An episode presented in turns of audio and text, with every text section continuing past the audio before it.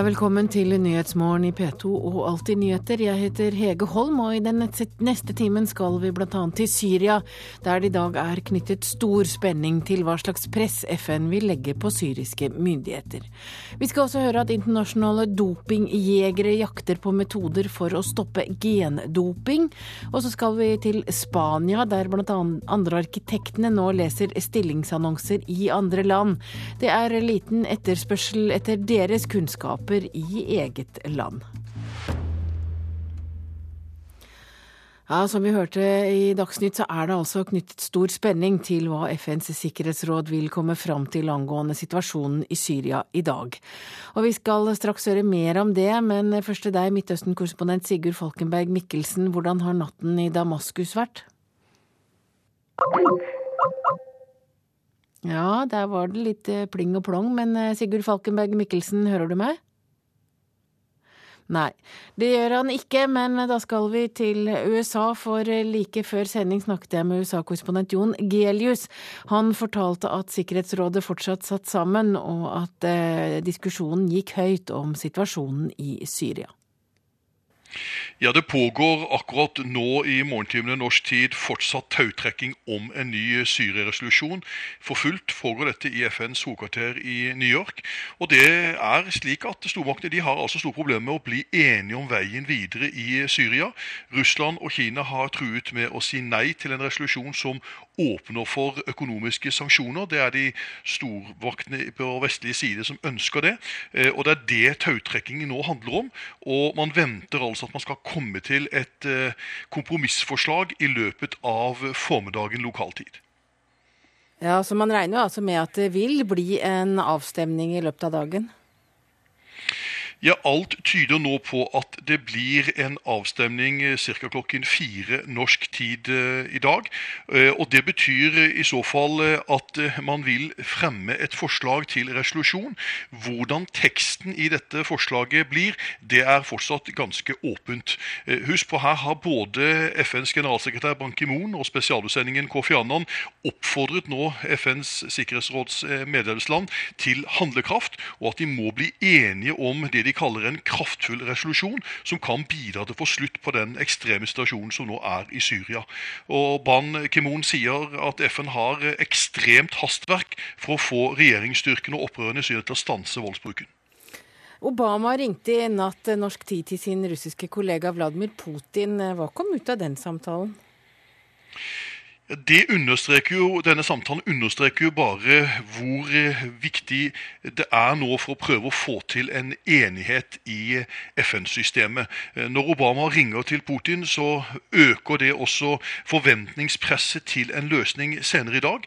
Og De to lederne ifølge Hvite hus så diskuterte de altså da den økende volden i Syria.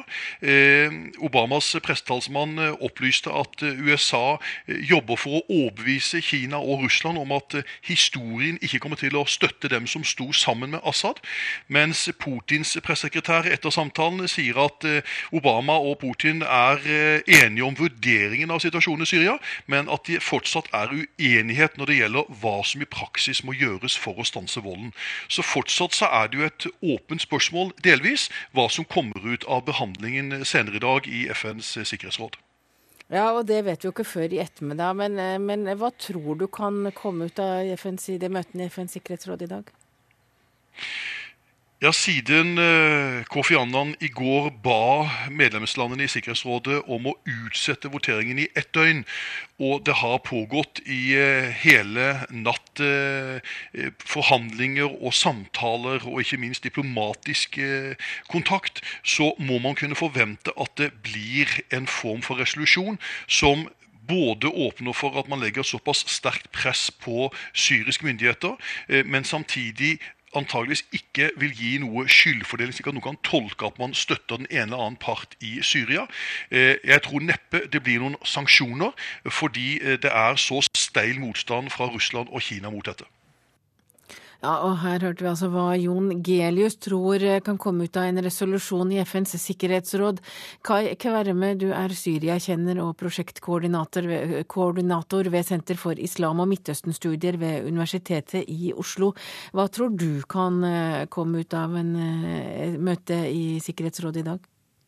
Ja, altså Basert på de uttalelsene vi har hørt fra Russland eh, nå de siste dagene, og også etter bomben i går, så er det ingen grunn til å tro at Russland vil gå med på en, en resolusjon som innebærer sanksjoner mot eh, det syriske regimet.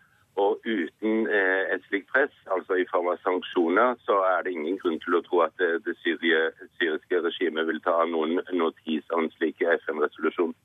Kverme, du er eh, fortsatt med oss, men eh, nå har vi også fått kontakt med Sigurd Falkenberg Mikkelsen, som er med oss fra Damaskus. Hva tror du konsekvensene for Syria kan bli dersom Sikkerhetsrådet ikke blir enige om sanksjoner i dag, eh, Mikkelsen?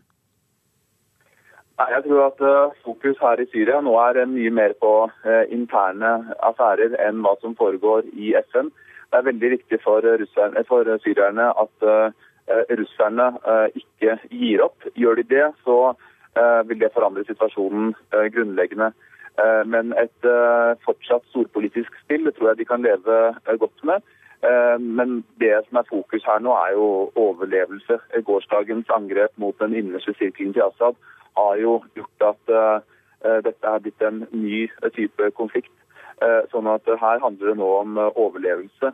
Eh, og da tror jeg alle midler er tillatt. Jeg ser det spekuleres i avisen i dag om, om regimet Assad i det hele tatt overlever eh, før ramadan, eh, og overlever dagen i dag. Hva tror du om det?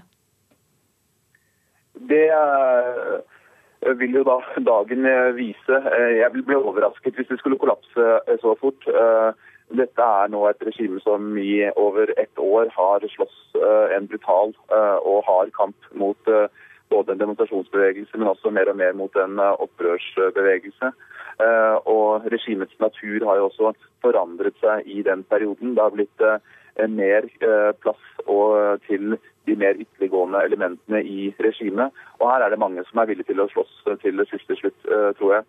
Eh, sånn at eh, Spørsmålet er vel heller, hvor mange det er av dem, om de klarer å holde f.eks. regjeringshæren samlet framover. Det er en veldig viktig periode nå. Det kan være at hvis de klarer å, eh, å, å forandre på lederskapet og holde sammen, så kan dette fortsette. Hvis ikke, så kan det gå fort. Men hva slags press kan få, F, få syriske myndigheter til å legge om kursen? Altså hva slags press fra FN? Eh, det har jo kjørt et hardt sanksjonsregime eh, fram til nå, eh, som har hatt en veldig stor effekt på syrisk økonomi, men har stort sett rammet vanlige folk. Og, og, så har det jo da gått etter noen av regimetoppene, og det merkes nok. Men jeg tror nok vi er over i en annen fase nå. Hvor, hvor, den type mm, virkemidler ikke har all verdens med effekt for de som jeg var inne på i stad, for eh, veldig mange av regimetoppene nå, så står det jo om eh, liv og død. Takk til deg, Sigurd Falkenberg Mikkelsen fra Syria. Og Kai Kverme, du er fortsatt med. Har du, eller tror du det fortsatt er håp om en diplomatisk løsning på konflikten? Jeg tror, jeg tror, det blir eh, vanskeligere og vanskeligere. og Det har å gjøre med det syriske regimet selv. fordi Dette regimet er ikke interessert i en diplomatisk løsning på denne konflikten. Fordi det vil bety at det vil komme et nytt eh, regime i landet, noe man selvfølgelig ikke er interessert i. Og jeg tror nok dessverre at eh, disse vil kjempe, at det er ganske mange i det syriske regimet som vil kjempe til siste slutt. Men, men det at nå folk i Assads indre krets er drept, hvilke konsekvenser får det? Ja, altså det, det, kan få mange forskjellige konsekvenser. og Det er litt vanskelig å si noe om det. fordi denne kretsen er jo veldig lukket. Men én ting vi kan si, er at det nok muligens, eller ganske sannsynlig, vil få konsekvenser på bakken fordi disse folkene som ble drept i går, tilhører den absolutte toppledelsen. De har hver seg ansvar for forskjellige deler av hæren og etterretningsapparatet. Disse delene igjen er lojale til disse personene, og ikke nødvendigvis til andre. Og dette vil potensielt kunne skape voldsomt stor både forvirring og konflikt innad i etterretningsvesenet og innad i den syriske hæren, noe som er veldig alvorlig for regimet i den situasjonen det står i nå. Takk til deg, Kai Kverme. Du er også prosjektkoordinator ved Senter for islam og Midtøsten-studier ved Universitetet i Oslo. Det var eh, Syria for eh, denne gang. Vi kommer helt sikkert tilbake til hva som skjer, og altså klokka fire i ettermiddag venter man at det kommer resultater fra FNs sikkerhetsråd. Men nå skal vi til Bulgaria, for israelsk etterretningstjeneste varslet til bulgarske myndigheter på forhånd om at det var fare for terrorhandling mot israelere. Det melder nå russisk TV-stasjon NTV. Og i går ble altså en buss med israelske ferieturister sprengt i luften i Burgas på Svartehavskysten. Og Moskva-korrespondent Hans-Wilhelm Steinfeld, hvordan ble advarselen fra Israel mottatt av myndighetene i Bulgaria?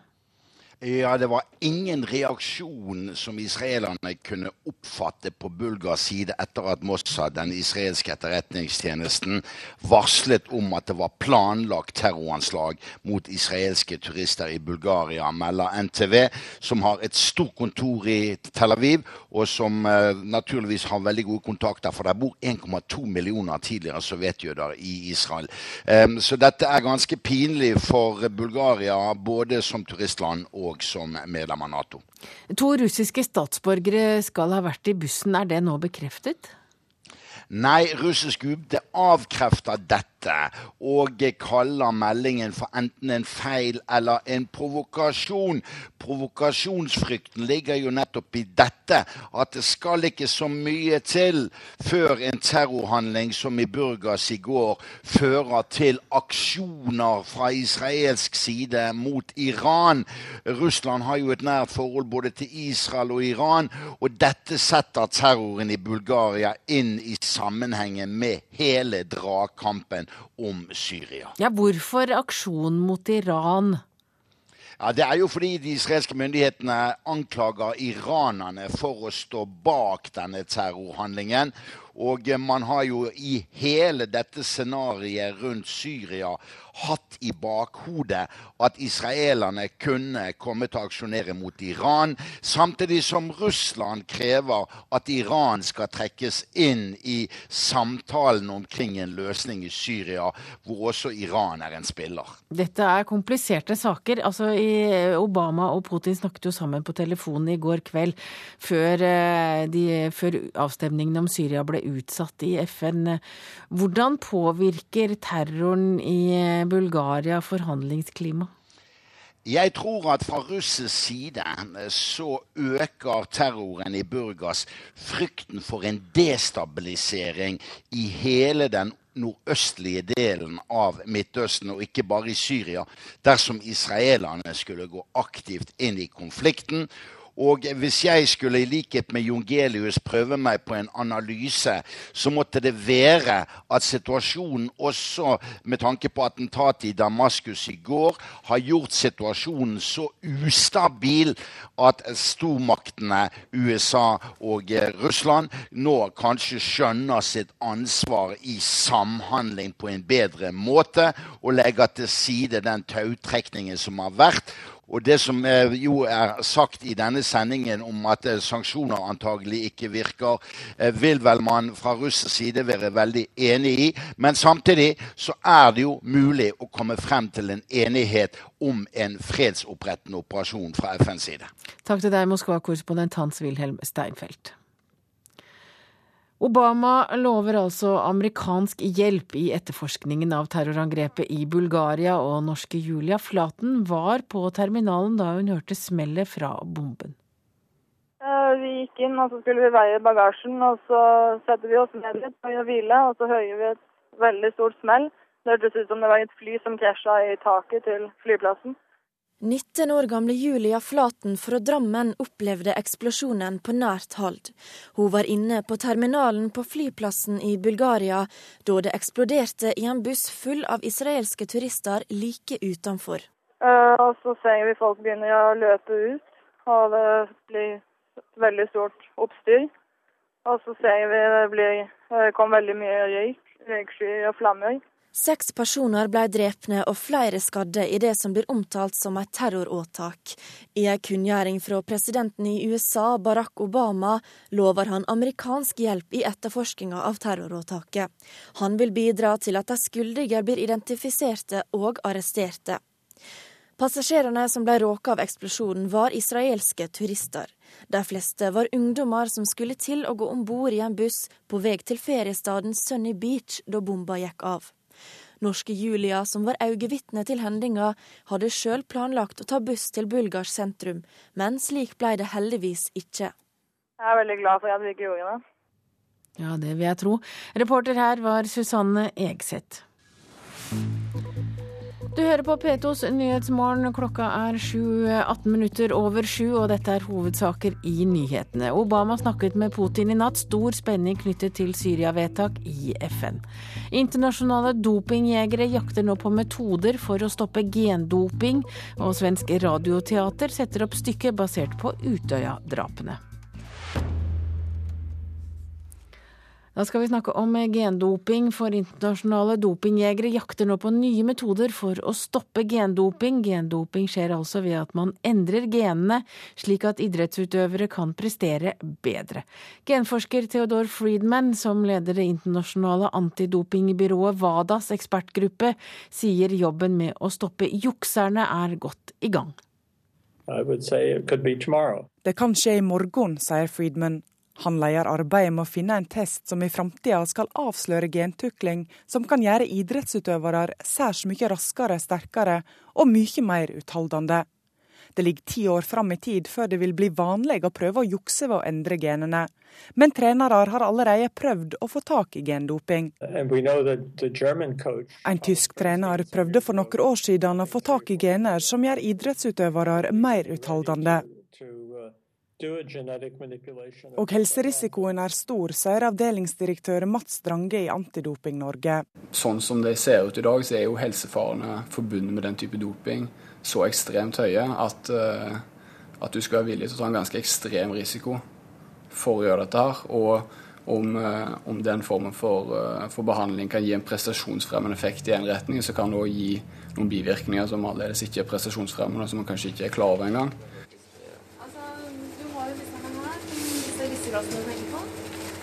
Her på Hormonlaboratoriet ved Aker sykehus analyserer de dopingprøvene til norske toppidrettsutøvere.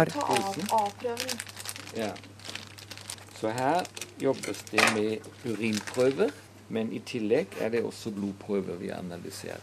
Men dagens analyser av urin- og blodprøver er ikke nok i framtida. Det sier leder for laboratoriet, Peter Hemmersbach. Man må inn i et, et nytt felt av kjemisk analyse som krever annen instrumentering, som krever annen bakgrunnskunnskap. Og WADA-eksperten er i full gang med å utvikle metoden Hemmersbach skal bruke. Drug, Nå skal han ikke lenger jakte på ett forbudt stoff, men endringer i genene. Og denne forseglingen her, der skal du jobbe godt. Når du bryter den, så ser du at den er Og dopinglaboratorier rundt om i verden samarbeider den er worldwide. Og, og, den er også veldig godt organisert, så vi møtes to-tre ganger i året. Egentlig alle labene fra, fra, hele kloden. En gang i Europa, en gang i USA. Og der blir jo, der blir jo også rykter utvekslet. Avdelingsdirektør i Antidoping Norge, Mats Drange, er budd på det som kommer. Så Gendoping har jo vært et fokusområde spesielt for WADA i, i, mange år nå, i over ti år. Det er jo kostbar forskning, og det er omfattende forskning. Og eh, de har brukt mye tid og ressurser på å, på å utvikle metoder for avsløring. Og nå er det jo sånn at det er jo ikke Gendoping er jo ikke bare én metode eller én teknikk eller ett stoff for den del, men det er jo mange forskjellige metoder, og da må du ha en brei tilnærming til, til avsløringen av det. Og reporter her var Tone Gullaksen, og vi har med oss Ingar Lerheim. Du er lege og antidopingekspert, og siden 75 så har du jobbet med dop dopingspørsmål tilknyttet norsk og internasjonal idrett. Nå lurer jeg på hvorfor jobber man stadig med nye måter å dope seg på? Ja, Det er jo et uh, svært omfattende spørsmål. Det er jo her snakk om etikk. Det er snakk om mye økonomi også. Uh, I de idretter hvor det er mest penger å tjene, har vi også kanskje hatt de fleste store internasjonale dopingskandaler. Så det, det, er svært mange momenter som gjør at folk forsøker å jukse på denne måten også. Men de blir jo stadig blir jo flere tatt. Særlig sykling f.eks., som vi nå får den ene skandalen etter den andre. Ja, det har vært eh, sørgelige nyheter fra Tour de France og fra andre deler av internasjonal sykkelsport. Eh, det er veldig trist at denne idretten stadig rammer seg selv Jeg kjenner jo svært mange hederlige, gode norske syklister. Og, og, de rammes jo også av det ryktet som idretten internasjonalt pådrar seg selv. Så det er en av mange arenaer. Men internasjonal friidrett har jo kanskje hatt de aller største skandalene eh, de, når man ser de siste 20 år eh, gjennom. Men, men, nå snakker vi altså om genedoping. Hvilken trussel vil dette i utgjøre i framtiden? Ja, Det gir uhyggelige perspektiver. Eh, det gir mange nye muligheter til å endre på kroppens anatomi og funksjon. Og, og, det er jo perspektiver som, som kan skremme noen hver. Forskning på genmedisin det er jo egentlig startet for å, å gi syke sjansen, nye sjanser til eventuelt å, å, bli bedre. Og da kan det virke? Da, ja, i, i, noen tilfeller så, så ligger fremtiden lys på, på, det området, kan jeg si. Jeg er ikke genetiker, jeg er ortopedisk kirurg og, og, skal ikke gå i dybden på dette. Men jeg har jobbet så mye i internasjonalt antidopingmiljø at jeg kan ha fått mye informasjon den veien. Eh, og dette er, eh, det er veldig, veldig, trist at dette ser ut til å nå inn i idretten også. Men, men klarer dere å utvikle, altså, eller hva da, klarer dere å utvikle testmetoder som kan avsløre gendopede utøvere? Det er blant de beste internasjonale eksperter i genmedisin, eller i genetikk, som er med på laget eh, til de som, som Hemmersbach snakket om nettopp. Og vi har stor tillit til at det i nær fremtid vil komme metoder som kan avsløre i hvert fall deler av dette. Det er allerede ting på gang, og det er vel altså noen eh, gendopingstyper som allerede kan påvises etter de informasjoner jeg har. Så jeg syns vi skal være optimister, men det er veldig trist at man er nødt til å arbeide også med dette i antidopingarbeidet. Ja, det sa altså du, Ingar Lerheim. Du er lege og antidopingekspert og jobber med spørsmål knyttet til norsk og internasjonal idrett. Da har vi kommet fram til eh, dagens ferske aviser. Opprøret rykket i går helt inn i den innerste sirkelen rundt Syrias president.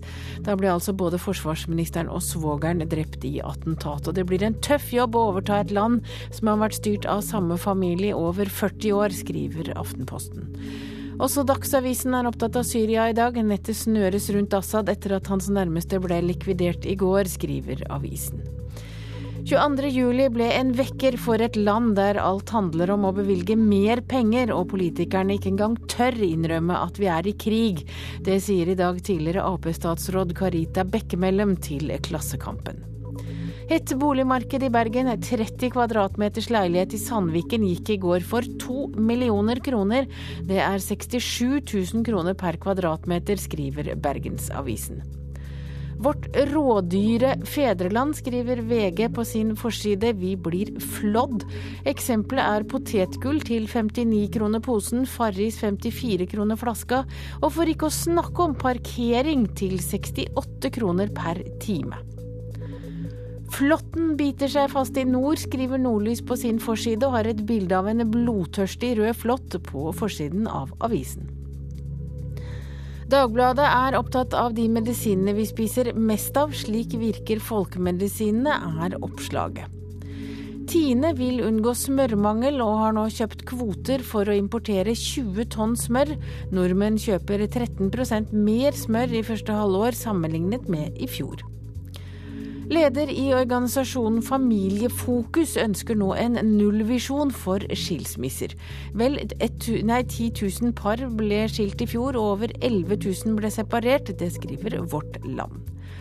Marit Bjørgen har gjort det. Therese Johaug har gjort det, og stortalentet Marte Christoffersen er på vei.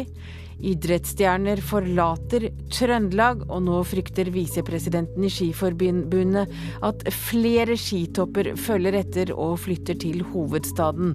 Det skriver Adresseavisen.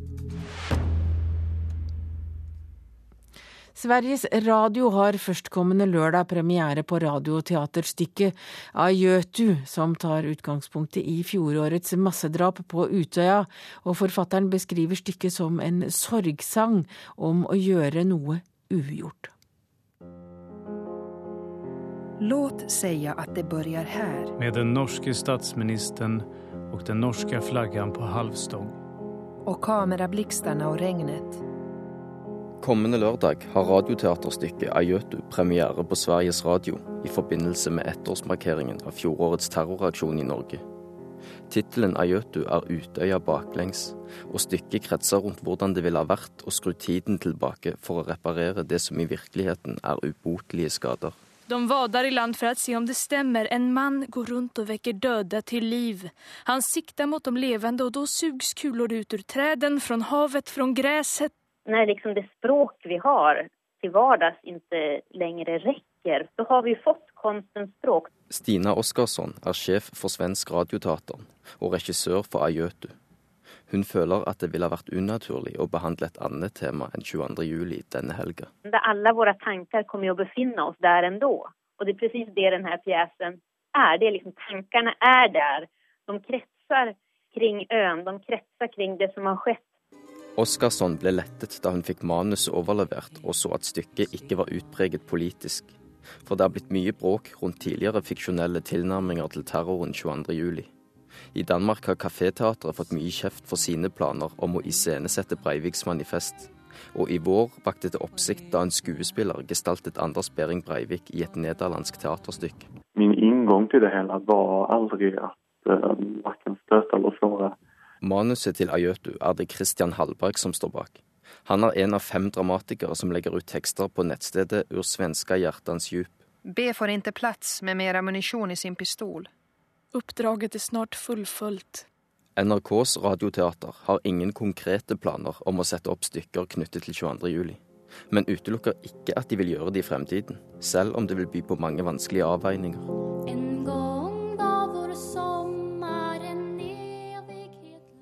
Og reporter her var Dario Kverme Birane. Nå er det tid for Dagsnytt. Etter Dagsnytt skal vi til Spania.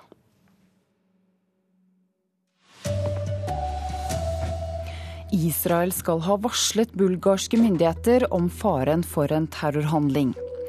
Vi støtter ikke angrepet i Syria i går som drepte tre av presidentens nærmeste, sier oberst fra opprørshæren. Og gendoping skal stoppes før jukserne tar det i bruk. God morgen, her er NRK Dagsnytt. Klokken er 7.30. Det var trolig en selvmordsbomber som sto bak terrorangrepet mot en turistbuss i Bulgaria i går. Det opplyser innenriksministeren i landet. Selvmordsbomberen skal ha, kunnet, blande seg med turistene ved hjelp av et falsk dykkersertifikat fra USA, har det akkurat kommet meldinger om. Og israelsk etterretningstjeneste varslet bulgarske myndigheter på forhånd om faren for en terrorhandling mot israelerne. Det melder den russiske TV-stasjonen NTV. I går ble altså en buss med israelske ferieturister sprengt i luften i Burgas på Svartehavskysten. Og Moskva-korrespondent Hans-Wilhelm Steinfeld, hvordan ble advarselen fra Israel mottatt av bulgarske myndigheter? Ifølge NTV med svært gode kontakter i Israel, så oppnådde israelerne ingen som helst reaksjon fra bulgarske myndigheter med sin forhåndsadvarsel om at eh, det var på gang en terrorhandling mot israelske turister i Bulgaria. NTV har veldig gode kontakter, og Israel står Russland nær, for det bor 1,2 millioner tidligere sovjetjøder i Israel. Så dette er selvfølgelig eh, en pinlig påstand for Bulgaria, både som turistnasjon og som Nato-land. To russiske statsborgere skulle ha vært i bussen. Er det bekreftet nå? Nei, russisk UD har eh, avkreftet dette. Det kunne jo være sannsynlig, og russisk UD kaller dette for en provokasjon. Men det menes naturligvis at dersom det hadde vært to russere som også ble ofre for denne terroren, kunne det lett trukket med Russland i et mer uforutsigbart aksjonsmønster når det gjelder forholdet mellom Iran, som Israel anklager for dette, og derigjennom også konflikten rundt Syria. For Russland har jo strevet for at Iran skal høres også i det syriske spørsmålet, hvor Iran har innflytelse. Takk til deg, Moskva-korrespondent Hans-Wilhelm Steinfeld. Og det pågår nå en intens tautrekking i FNs sikkerhetsråd om en resolusjon for å få slutt på volden i Syria. Avstemningen er utsatt til i ettermiddag. Generalsekretæren i FN Ban Ki-moon og spesialutsending Kofi Annan ber Sikkerhetsrådet om å legge press på både regimet og opprørsstyrkene i Syria, sier USA-korrespondent Jon Gelius. Er sterk uenighet og splid mellom Russland, Kina på den ene siden og de vestlige stormaktene på den annen side. Eh, jeg tror nok at de er nødt til nå, med den prestisje som er lagt inn eh, President Obama ringte i natt norsk tid til Russlands president Putin om dette temaet. Så det er lagt mye prestisje inn i nå å finne en fellesløsning. FNs generalsekretær har også i natt sagt at det er viktig, og det haster ekstremt med å få på plass en slik resolusjon. Og det jeg tror det blir en tekst der man i denne teksten legger sterkt press på Syria uten å ta stilling til hvem av partene som eventuelt har noe skyld. Og jeg tror ikke det kommer til å bli noen økonomiske sanksjoner. Til det er motstand fra Russland særlig for stor. Midtøsten-korrespondent Sigurd Falkenberg Mikkelsen, du er i Syrias hovedstad Damaskus. Hva kan konsekvensene bli for Syria dersom Sikkerhetsrådet ikke blir enige om sanksjoner i dag? Da vil jo mye av det eh, som har vært, eh, fortsette.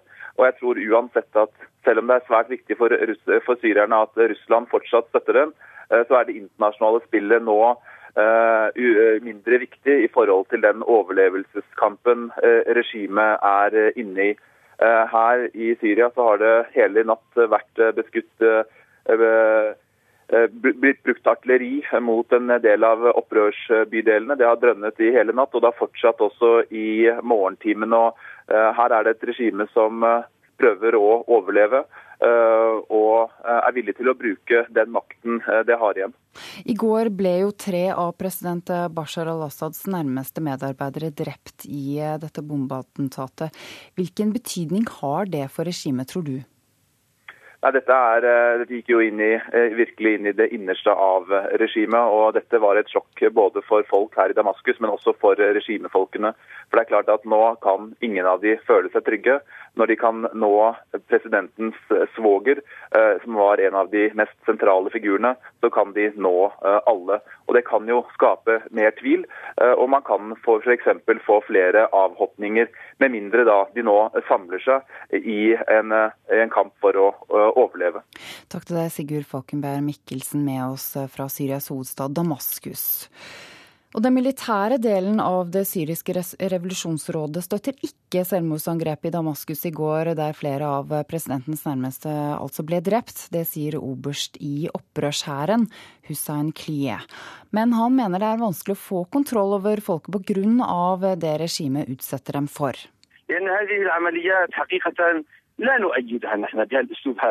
نؤيد انه اذا كان مجرم vi støtter virkelig ikke slike operasjoner utført på denne måten. Det sier Hussein Klie, oberst i den militære delen av revolusjonsrådet som samler opprørsgruppene i Syria. I går ble forsvarsministeren og flere andre av president Bashar al-Assad sine nære medarbeidere drepne i et selvmordsåtak. يكتسب عمل المجموعات الفردية وليست العمليات vi vil heller arrestere kriminelle og stille dem for retten, i stedet for å utføre åtak på denne måten. Slike operasjoner er det selvstendige grupper som gjør, og ikke vi, sier obersten. To syriske opposisjonsgrupper har tatt på seg ansvaret for angrepet i går. Det sa reporter Eirin Årdal, og um, Mohammed Alayobi hadde også vært med og laget denne saken. Nå skal det handle om eh, gendoping, for eh, internasjonale dopingjegere jakter nå på nye metoder for å stoppe dette. Arbeidet vil også få betydning for det norske antidopingarbeidet. Gendoping skjer ved at man forandrer genene, slik at idrettsutøvere forbedrer eh, prestasjonene. Genforsker Theodor Friedmann, som leder det internasjonale antidopingbyrået WADAs ekspertgruppe for gendoping, sier jobben med å stoppe jukserne er godt i gang. Det kan skje i morgen, sier Friedman. Han leder arbeidet med å finne en test som i framtida skal avsløre gentukling som kan gjøre idrettsutøvere særs mye raskere, sterkere og mye mer utholdende. Det ligger ti år fram i tid før det vil bli vanlig å prøve å jukse ved å endre genene. Men trenere har allerede prøvd å få tak i gendoping. En tysk trener prøvde for noen år siden å få tak i gener som gjør idrettsutøvere mer utholdende.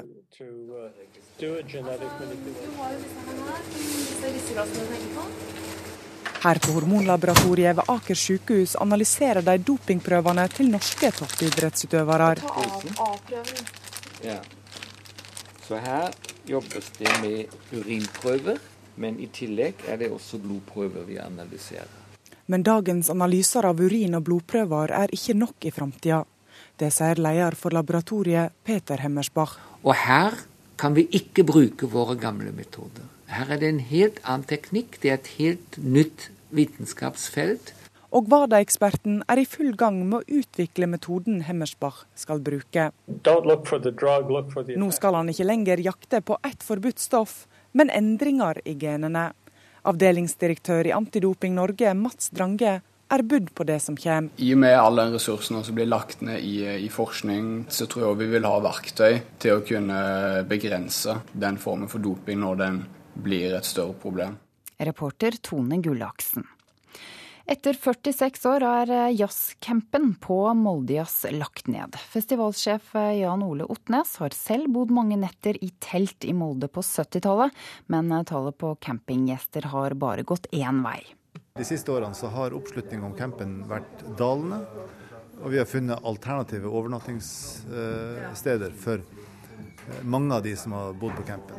Sånn at uh, de som de siste årene har bodd her, har vært en del unge folk og en del funksjonærer.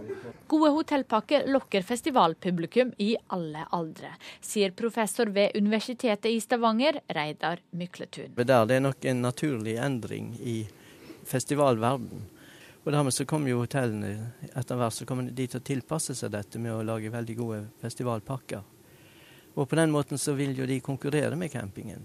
Vi ser jo at uh, russetreffet i Kongeparken f.eks. Uh, utenfor Stavanger, de uh, greier å fylle alle hotellene i regionen. Og det betyr at også disse 18-19-åringene de søker på hotell istedenfor å ligge og sove i russebiler eller i telt. Ja, selv typiske campingfestivaler bør altså ikke føle seg for eh, trygge. Reporter var Sofia Paskiewicz. Ansvarlig for denne sendingen Arild Svalbjørg. Teknisk ansvarlig Frode Thorshaug. Jeg heter Ida Creed.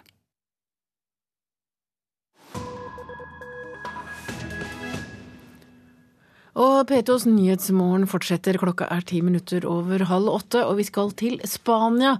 For der vitner forlatte byggeprosjekter og ubebodde nye bydeler om den alvorlige økonomiske krisen som har rammet landet. For arkitektstudenter i Madrid er jobbutsiktene så dårlige at samtlige planlegger nå å dra utenlands for å finne arbeid. Med tegninger spredt utover bordet diskuterer 2012-kullet av arkitektstudenter ved Madrids multiteknologiske universitet eksamensprosjektene sine. De er på oppløpssida i sin fem år lange utdanning. Går alt som det skal, kan de smykke seg med tittelen arkitekt i oktober. Men hva så? Akkurat nå er jeg veldig glad for at jeg nesten er ferdig og ennå ikke må ta stilling til de dystre utsiktene for min profesjon, sier Rafael Gonzales del Castillo til nyhetsbyrået Ap. For ti år siden hadde lukrative oppdrag stått i kø for Rafael og de andre på hans kull. For da var den spanske byggeboomen i full sving, og arkitekter hadde mer enn nok å gjøre. Store byggeprosjekter, ja hele bydeler, spratt opp som paddehatter. Så sprakk eiendomsboblen i 2008 og utløste Spanias økonomiske krise. Tusenvis av byggeprosjekter ble stanset, mer enn én million jobber gikk med i dragsuget, blant dem arkitektenes. I dag står 26,4% av spanske arkitekter uten jobb. Det er 2% mer enn landsgjennomsnittet.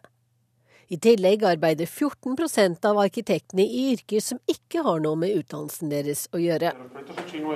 Derfor er det kanskje ikke så rart at hver eneste en av de 26 arkitektstudentene i 2012-kullet i Madrid skal flytte utenlands for å skaffe seg jobb. Jeg ser for meg at jeg kommer til å jobbe i et annet land, i hvert fall et par års tid. Men jeg håper jo det ikke varer resten av livet, for jeg er veldig glad i Spania, forteller Rafael. Han vet ikke hvor han skal søke seg jobb, og ikke spiller det noen rolle heller. Sudan, Chile, Alaska er steder han nevner. Bare han får jobbe som arkitekt.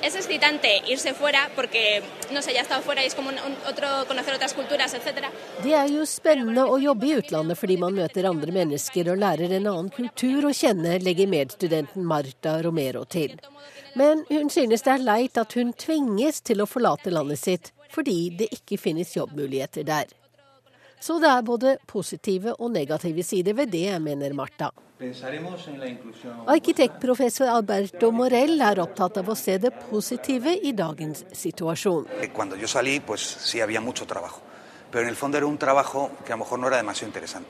Da jeg var nyutdannet var det flust med arkitektjobber, men oppdragene var ikke veldig interessante. Det var snakk om kjedelige prosjekter som skulle bygges i full fart. Kanskje dette er tiden til å skaffe seg enda flere ferdigheter og større kompetanse til å bli mer konkurransedyktig? Tenk hvor det vil være om fem år, sier jeg til studentene mine, forteller Morell. Og en av studentene, Ruben Garcia, minner om at deres generasjon gjør bare det generasjoner har gjort før dem reist til andre land på jakt etter et bedre liv.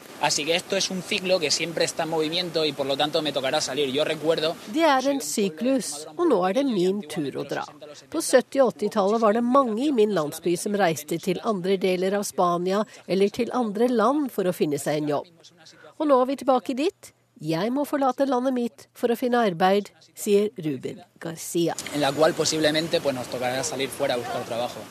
Og reporter her var Wenche Eriksen.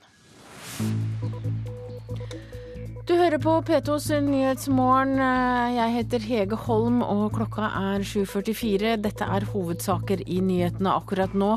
Stor spenning knyttet til FN-vedtak om Syria. Internasjonale dopingjegere jakter på gendop.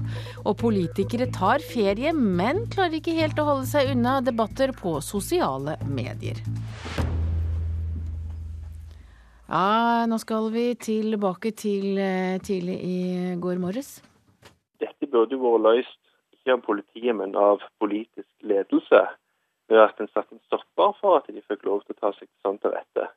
Oslo kommune syns jeg har blitt stadig mer unnvikende i problemstillingen. Og regjeringen har jo ikke vist vilje til å gå inn og løse selve problemstillingen.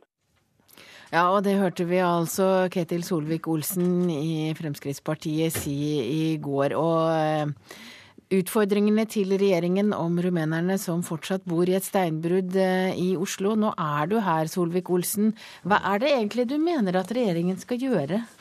Kan jeg først få lov til å presisere at jeg ikke kritiserer at politiet er til stede og holder vakt. Det er enkelte som har tolka dette som kritikk mot at politiet bryr seg, og det er det ikke. Min kritikk er at politiet blir tvunget til å bruke ressurser på denne situasjonen, der en burde løst det politisk og gjort at politiet i Oslo kunne omprioritert til andre eh, eh, problemstillinger. Det regjeringen burde gjort, det er flere ting de burde gjort. De burde kontakte ambassadene eh, til primært Romania og Bulgaria, det er der jeg forstår disse personene har kommet ifra. Vist til den situasjonen som er. Brukt den til å utøve press mot disse landene i måten de behandler romfolket i sine hjemland, og som gjør at eh, disse personene reiser andre steder. Jeg mener denne situasjonen gjør at vi har et sterkere pressmiddel overfor Romania og Bulgaria enn det vi ellers ville hatt, fordi at her har vi en problemstilling som skjer på norsk jord. Så burde en òg vist til at det er rett og slett ikke akseptabelt at folk kommer til Norge, uansett hvilken gruppe en tilhører eller hvilket land en kommer fra og slår seg til på offentlige steder eller på private eiendommer der det er klausuler når den ble solgt, at den ikke skal brukes til bosted. Denne tomta på Årvoll, hvis Dagbladet har rett i den beskrivelsen de gir i går, ble solgt fra Skytterlaget til de dagens to eiere, med forutsetning at det ikke skal brukes til boligformål, nettopp fordi det ligger på siden av en skytebane. Det gjør at det, Du kan ikke bare si at dette må vi akseptere fordi det er på en privat eiendom. Men dette var mange ting på én gang. Nå tror jeg Jan Bøhler eh, må få lov å svare litt. Du er leder i Oslo Arbeiderparti og eh, justistalsmann for regjeringspartiene. Og, og hva vil du svare? Vi får ta først eh, dette med å kontakte ambassadene. Ja, det, det, er viktig med samarbeid med de landene, og det er jo et bredt samarbeid. Så jeg skjønte ikke helt den eh, Det som Solvik-Olsen la i det. fordi det er jo et eh, bredt samarbeid nå om bruk av EØS-midlene, hvor en god del brukes inn mot eh, romfolket. Men er det tatt noen spesiell er, kontakt nå i forbindelse med den Man kan vel kalle det en liten krise?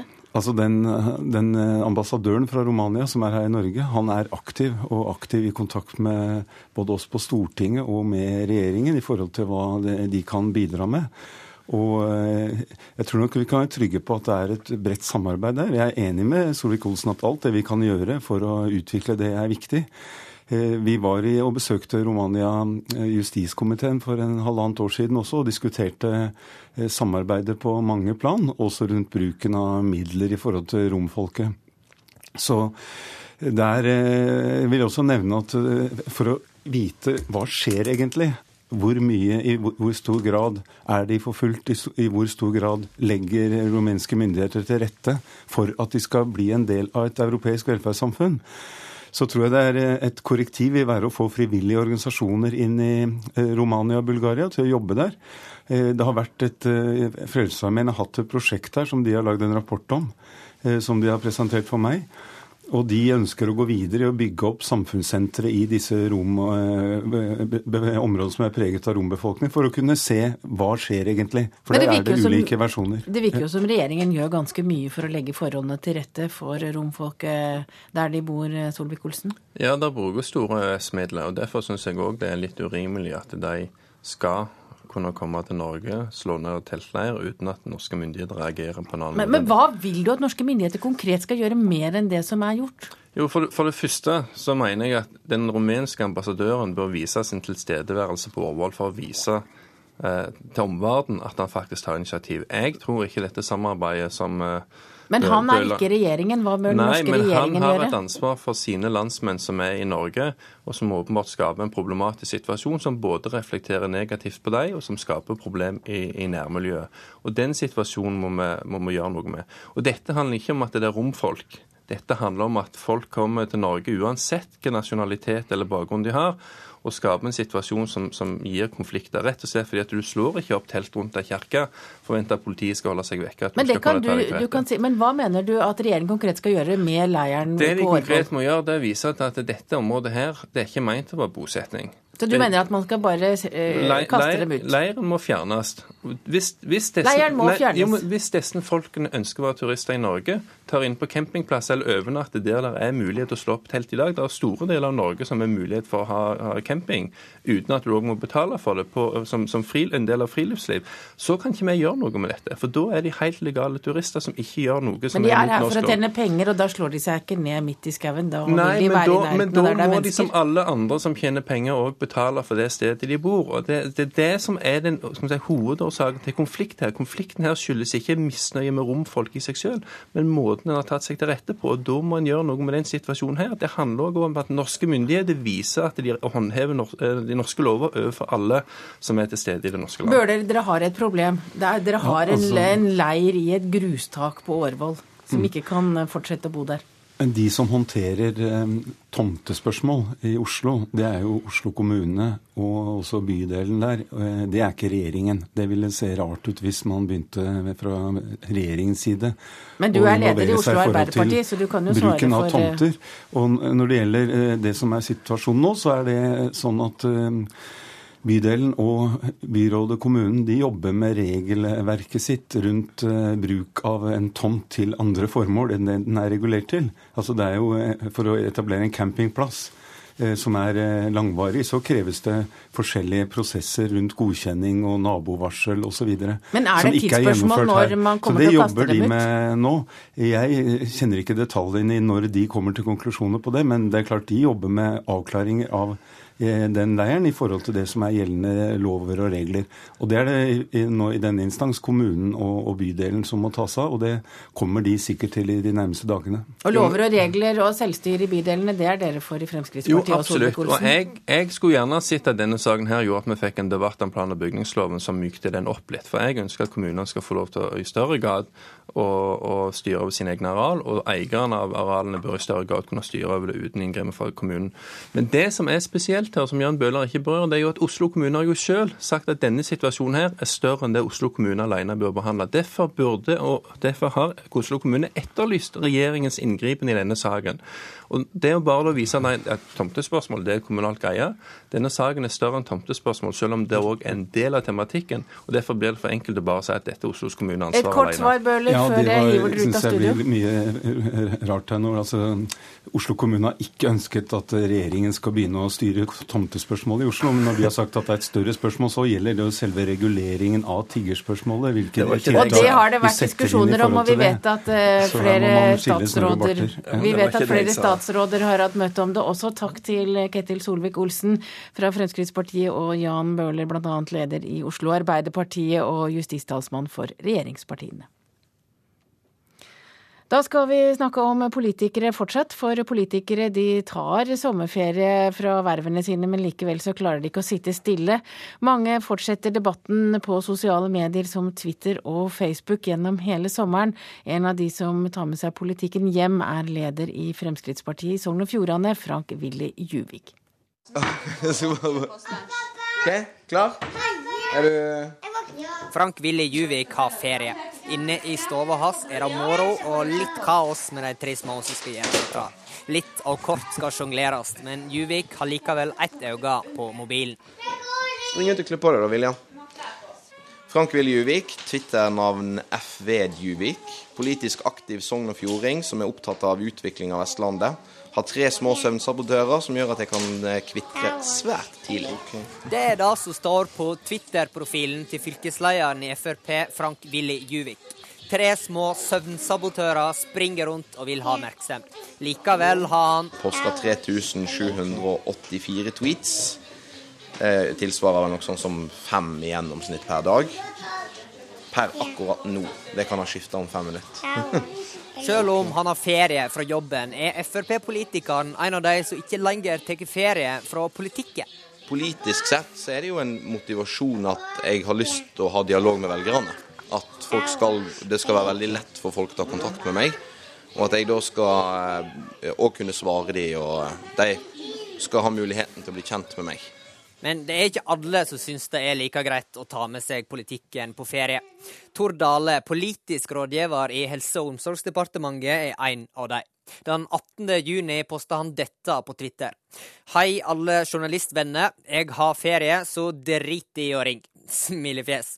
Så eh, jeg tok og ringte Tor Dale. Ja, den tweeten den kom en dag. Da var det uh, utskiftinger blant statsrådene. Da ringte det på et kvarter 13 telefoner eh, midt under frokosten min, akkurat i ferien. Jeg har jo en jobb der jeg jobber med politikk 50-60 timer i veka, og ellers så må være tilgjengelig hele døgnet. Og For meg så er det å kunne liksom kutte ut det der, ikke få, få e-poster på mobilen, eh, kunne være utilgjengelig, det er eh, utrolig viktig for meg. Og det er viktig for å liksom få tømme hodet litt. Yeah. Frank Willy Juvik mener at politikken ikke kan ta ferie lenger, fordi meningene blant folk flest ikke gjør det. Nå ser en jo i mye større grad at det foregår diskusjoner, at det foregår politisk aktivitet òg eh, når man skulle tro at altså man, man, har politisk ferie i den forstand at det er ikke den møtevirksomheten og behandling av saker. Men de politiske debattene de foregår mye mer nå i ferietid enn det de gjorde før. Og reporter her var Torbjørn Selseng. Ambulansepersonell må få et kompetanseløft og høyskoleutdanning. Det mener lederen for ambulansetjenesten i Helse Bergen, Guttorm Brattebø. Ambulansepersonell er blant de med lavest utdanning i helsevesenet, og ikke alle pasienter får den hjelpen de trenger av ambulansepersonellet. Det mener Brattebø.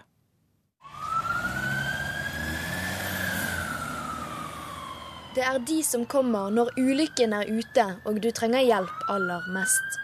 Men samtidig er ambulansepersonell blant de lavest utdannede i helsevesenet. Vi møter jo pasienter på sitt aller verste veldig ofte. Utenfor legevakten i Bergen står Espen Haugvaldstad. Han har ett års videreutdanning, men minstekravet for ambulansepersonell i dag er bare fagbrev. De vurderingene som en ambulansearbeider skal gjøre rundt om, er veldig viktige. Og Har han ikke kompetanse, så kan han heller ikke forvente at du skal gjøre fornuftige vurderinger. Det sier ambulansesjef og overlege ved akutten på Haukeland universitetssykehus, Guttorm Brattebø. Nå krever han treårig bachelorutdanning på høyskole for å sikre liv og helse. Pasienter som har f.eks. livstruende betennelser, kan ha mistanke om slag og sånne ting. Det er ikke sikkert at de får den riktige vurderingen, og at de dermed går glipp av effektiv behandling. Så det er ikke sikkert at de får den hjelpen de trenger? Nei. Det Helsedirektoratet helt klart mener, er at kompetansen hos ambulansepersonell stadig skal økes. I hvilken form det skal gjøres, det har man ikke helt landet ennå. Men du er ikke bekymret for tilstanden slik den er i dag? Det har jeg ingen grunn til å være. Det sier direktør i Avdeling for utdanning og personell i Helsedirektoratet, Bente Skulstad. Det er noen situasjoner hvor du skulle ønske at du hadde mer utdanning? Alltid. Reporter her var Karina Asbjørnsen. Da har vi kommet fram til et værvarsel her i P2s Nyhetsmorgen. Temperaturene regnes uendret i Østafjells og fjellet i Sør-Norge. Vestlandet, Trøndelag, Nord-Norge og Spitsbergen uendret eller stigende temperatur. Og så er det et varsel som gjelder til midnatt. Østlandet, fjellet i Sør-Norge noe sol, enkelte regnbyger og utrygt for torden. Telemark perioder med sol, enkelte regnbyger, i kveld vesentlig i indre strøk. Agder regn fra sent i ettermiddag, enkelte regnbyger i indre strøk, ellers opphold og noe sol. Rogaland i ettermiddag frisk bris på kysten, i kveld liten kuling i nord, enkelte regnbyger fra sent i ettermiddag, stort sett pent vær i ytre strøk. Hordaland er nordlig frisk bris på kysten, i ettermiddag stiv kuling, i kveld sterk kuling, enkelte regnbyger i indre strøk, ellers stort sett pent vær. Sogn og Fjordane nordøst stiv kuling på kysten, fra i ettermiddag nordlig sterk kuling, enkelte ettermiddagsbyger i indre strøk, ellers stort sett pent vær. Møre og Romsdal nordøst opp i frisk bris på kysten. Liten kuling i sør, lokal tåke først i dag.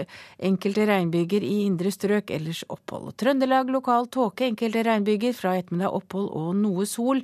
Nordland spredde regnbyger, særlig i nord, og litt sol i sør. Troms for det meste skyet, spredte regnbyger, lave tåkeskyer.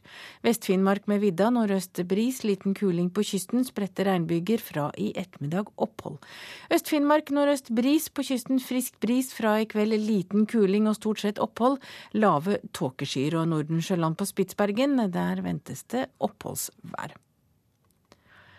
Denne delen av P2s Nyhetsmorgen nærmer seg hastig slutten. Klokka åtte da er det igjen en nyhetsoppdatering. Produsent for Nyhetsmorgen er Elin Pettersen. Frode Thorshaug har ansvaret for det tekniske, og jeg heter Hege Holm.